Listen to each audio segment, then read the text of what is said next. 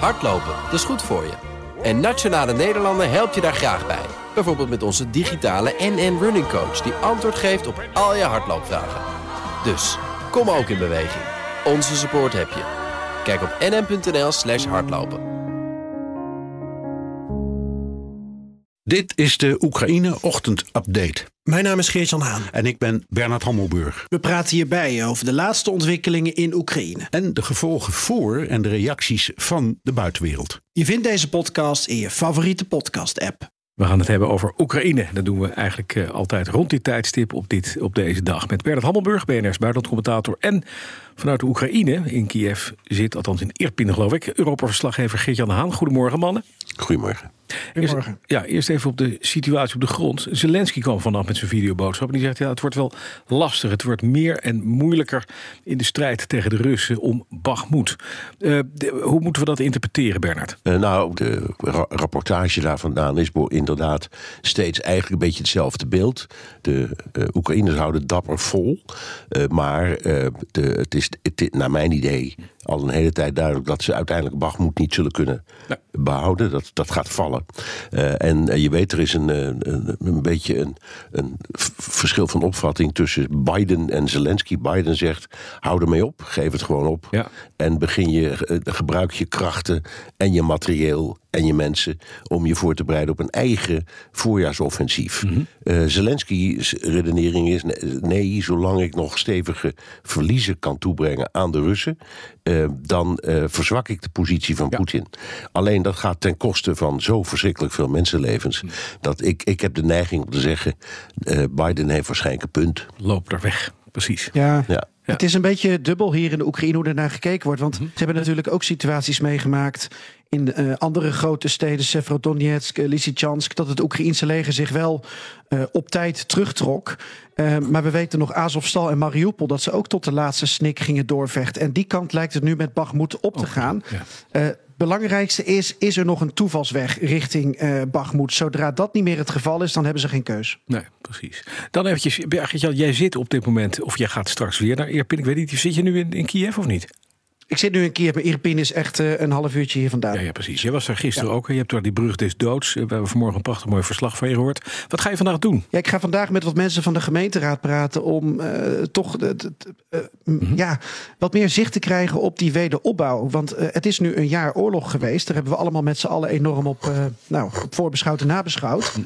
Maar eh, de grote vraag is nu ook hoe nu verder. En eh, dat gebied ten noorden van Kiev, wat dus echt vlakbij de hoofdstad is, ja, dat is nu ook al 11 eh à 12, nee, ja, 10 à 11 maanden bevrijd. Maar daar zie je nog steeds totale verwoesting en nog steeds komt hier noodhulp aan. Dus wanneer beland je dan in de volgende fase? En dan Ja. kom je ook uit bij waar we het straks over gaan hebben, bij het, het bezoek van Janet Yellen aan, aan Oekraïne.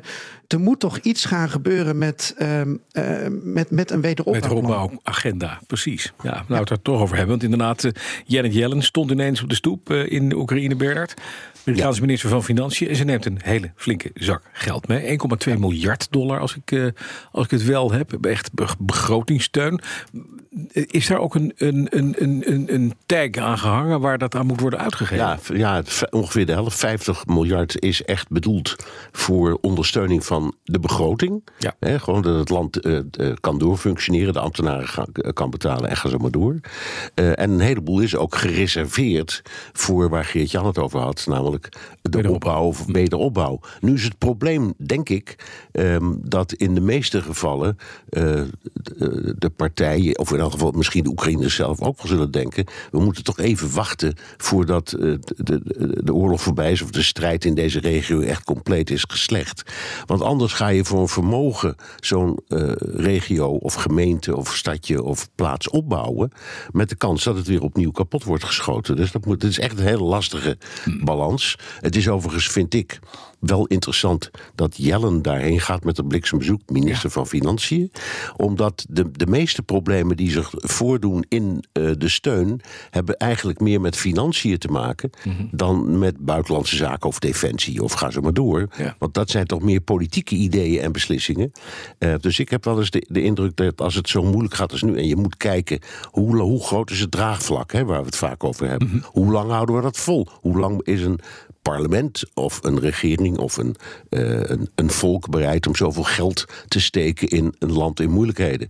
En ik denk dat je daar beter ministers van Financiën aan, het la- aan, aan eh, kunt laten werken dan bijvoorbeeld ministers van Buitenlandse Zaken. Ja. Want die hebben, om het zomaar te zeggen, daar de ballen verstand van. Ja, precies. Dus Kaag daar naartoe en de Hoekstra thuis laten. Ja, veel beter. Ja. Dat zou een goed idee zijn. Ja, maar dat geldt voor alle landen, neem ik aan, die steun, geven. Ja. Ja. conferentie van ministers van Financiën. Van we, we praten er wel over, maar hoe? Mhm. En wat reserveren we? En wanneer, waar Geert-Jan het ook over hebt, wanneer gaan we het investeren? Ja, precies. En er is natuurlijk in het verleden al een keer een oproep geweest van Rutte. Die heeft gezegd, we moeten nu al over die wederopbouw gaan praten. Wij als Nederland willen dat doen. Dat is leuk, komt van de premier.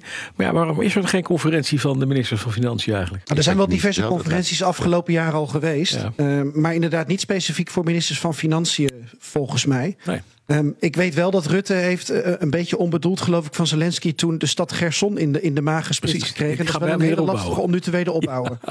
Ja, die is lastig. Maar er zijn heel veel eh, eh, Nederlandse projecten ook hier ten noorden van Kiev. Bij Irpin, in de buurt van Bucha en nog meer van die verwoeste dorpen. En het klinkt misschien een beetje gek, maar ze zijn hier niet meer bang voor de Russen dat ze komen. Ook niet vanuit Belarus. Dus je kan dit, ook omdat het al heel lang, relatief lang bevrijd is. Je kan dit als een soort proeftuin gaan zien. Precies, om daar op te bouwen. ga dit nou eens goed opbouwen. Er worden hier nog steeds generatoren naartoe gebracht. Waarvan ook mensen zeggen: ja, jongens, dat is leuk en aardig. Maar het mag nu wel ietsje eh, constructiever, die steun. Je mag nu wel gaan nadenken over het begin van de wederopbouw. En, Mhm. en verder gaan dan alleen maar die noodhulp. Oké, eventjes die wederopbouw. Ik wil nog eventjes naar wat, wat, wat defensieve dingen. Mariupol, afgelopen dag eh, een reeks explosies geweest. Wat Oekraïners zeggen dat ze daar eh, al dagenlang succesvol aanvallen uitvoeren op Russische doelen. Er worden ook Russische doelen geraakt in, ja, in, in, in, in Rusland zelf. Eh, tenminste, dat zeggen, dat zeggen bronnen. Alleen, dat is allemaal lastig te checken. Hoe waarschijnlijk is dat de Oekraïners nog een keer tegen Mariupol aan beginnen te schoppen? Nou, ehm, het is, ik denk dat die berichten kloppen. Ja. En het is inderdaad een beetje een raadsel ehm, met welk geschut ze daar Ja, toeslaan. heel want het ligt te ver voor die, voor die beroemde Ja. Mhm. HIMAR-artillerie die de Oekraïners hebben.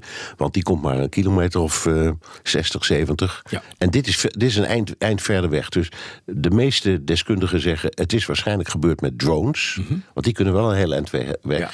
En het is, het is militair ook wel een stunt Uh-huh. eh, om dat te doen. Dus ik denk dat dat ook een rol speelt Mhm. in het uitvoeren van deze aanval. Eh, omdat eh, de Oekraïners de boodschap is: we hebben nog niet dat lange geschut wat ons is toegezegd. Maar dat betekent niet dat we gaan zitten wachten tot we het hebben. Er zijn ook andere methodes. Ja. Dat is denk ik Ja. vooral de boodschap aan de Russen. Ja, mag ik eh, kort aanvullen? Graag. Nou, wat ik heb gehoord is dat je ook ehm, eh, moet of zou kunnen uitgaan van het scenario dat het partizanen zijn. Ehm, de SSO, de eh, ja, de speciale partizanen, ehm, uitvoeringsoperaties, mensen. Ik heb er geen goed Nederlands woord voor. Ehm, net als in een andere stad, Melitopol. eh, en misschien ook wel wat we afgelopen week in Belarus zagen. Met de Belarussische partizanen die dat enorme verkenningsvliegtuig van de Russen daar Precies. kapot hebben gemaakt. Ja, Ja. er wordt toch vanuit gaan dat in Mariupol, omdat er toch ook ja, zeker meer dan tien explosies zijn gehoord. Dat, nou ja, het is een, een combinatie misschien. Misschien zijn er ook wel drones bij betrokken, maar er worden dan plekken doorgegeven, coördinaten. Eh, er worden dan ook vaak bij partisanenacties briefjes opgehangen richting de Russen. Zo van: kijk, we houden jullie in de gaten. Eh, dus dat scenario kun je ook zeker vanuit gaan. Ja. Nog even naar één ander ding, mannen, wat ik wel belangrijk vind om even te behandelen. Duitsland is gestart met het importeren van olie uit Kazachstan. En die, die pijpleiding die loopt door Rusland en Belarus naar Duitsland. Pff, hè? Ja. Bernard? Ehm, Hoe werkt dat trouwens? Nou, dat, Gaat hij dan door de Oostzee? Hè? Dan gaat hij door de Oostzee, want beide landen grenzen niet aan Duitsland. Nee. Nee, dat weet ik ook niet precies. Maar nou, het is een pijpleiding die zich in vieren vertakt. Dus er, er zijn niet alleen Duitsland, maar nog drie andere landen. Ik ben even vergeten uit mijn hoofd welke.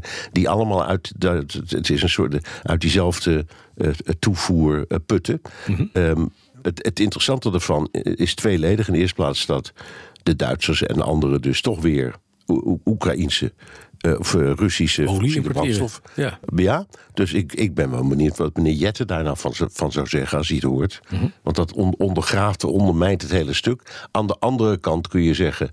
Ehm, het, is, eh, een, eh, dat, het feit dat het door die landen loopt, is op zichzelf, of langs die landen loopt, is op zichzelf niet interessant. Het, het interessante ervan is dat ehm, ja, landen in Europa, ik meen ook Polen, maar er zijn ook nog andere, eh, Russische olie willen. Ehm, En eh, het zou een handig moment zijn geweest om te zeggen: Nou, laat dat ook maar zitten. Maar dat doen ze dus niet. Iets Ik heb me niet in verdiept eh, de afgelopen dagen, maar ik vind het wel een boeiend verhaal. Ja, zeker. Dus Maar het is dus wel oud in die open, dus het, er is geen sprake van omkatten of dat het eh, met, Nee. de, met, met de mantel der liefde wordt bedekt. Dus nou ja, eh, inderdaad, eh, laten we meneer Jette bellen. Ja. Succes daarmee. Laten we eens even kijken of hij eh, daar wat over te zeggen heeft. Dank Bernard Hammelburg, BNR's buitenlandcommentator en Europa-verslaggever. Geert-Jan Haan vanuit Kiev. Hardlopen, dat is goed voor je. En Nationale Nederlanden helpt je daar graag bij. Bijvoorbeeld met onze digitale NN Running Coach... die antwoord geeft op al je hardloopvragen. Dus, kom ook in beweging. Onze support heb je. Kijk op nn.nl slash hardlopen.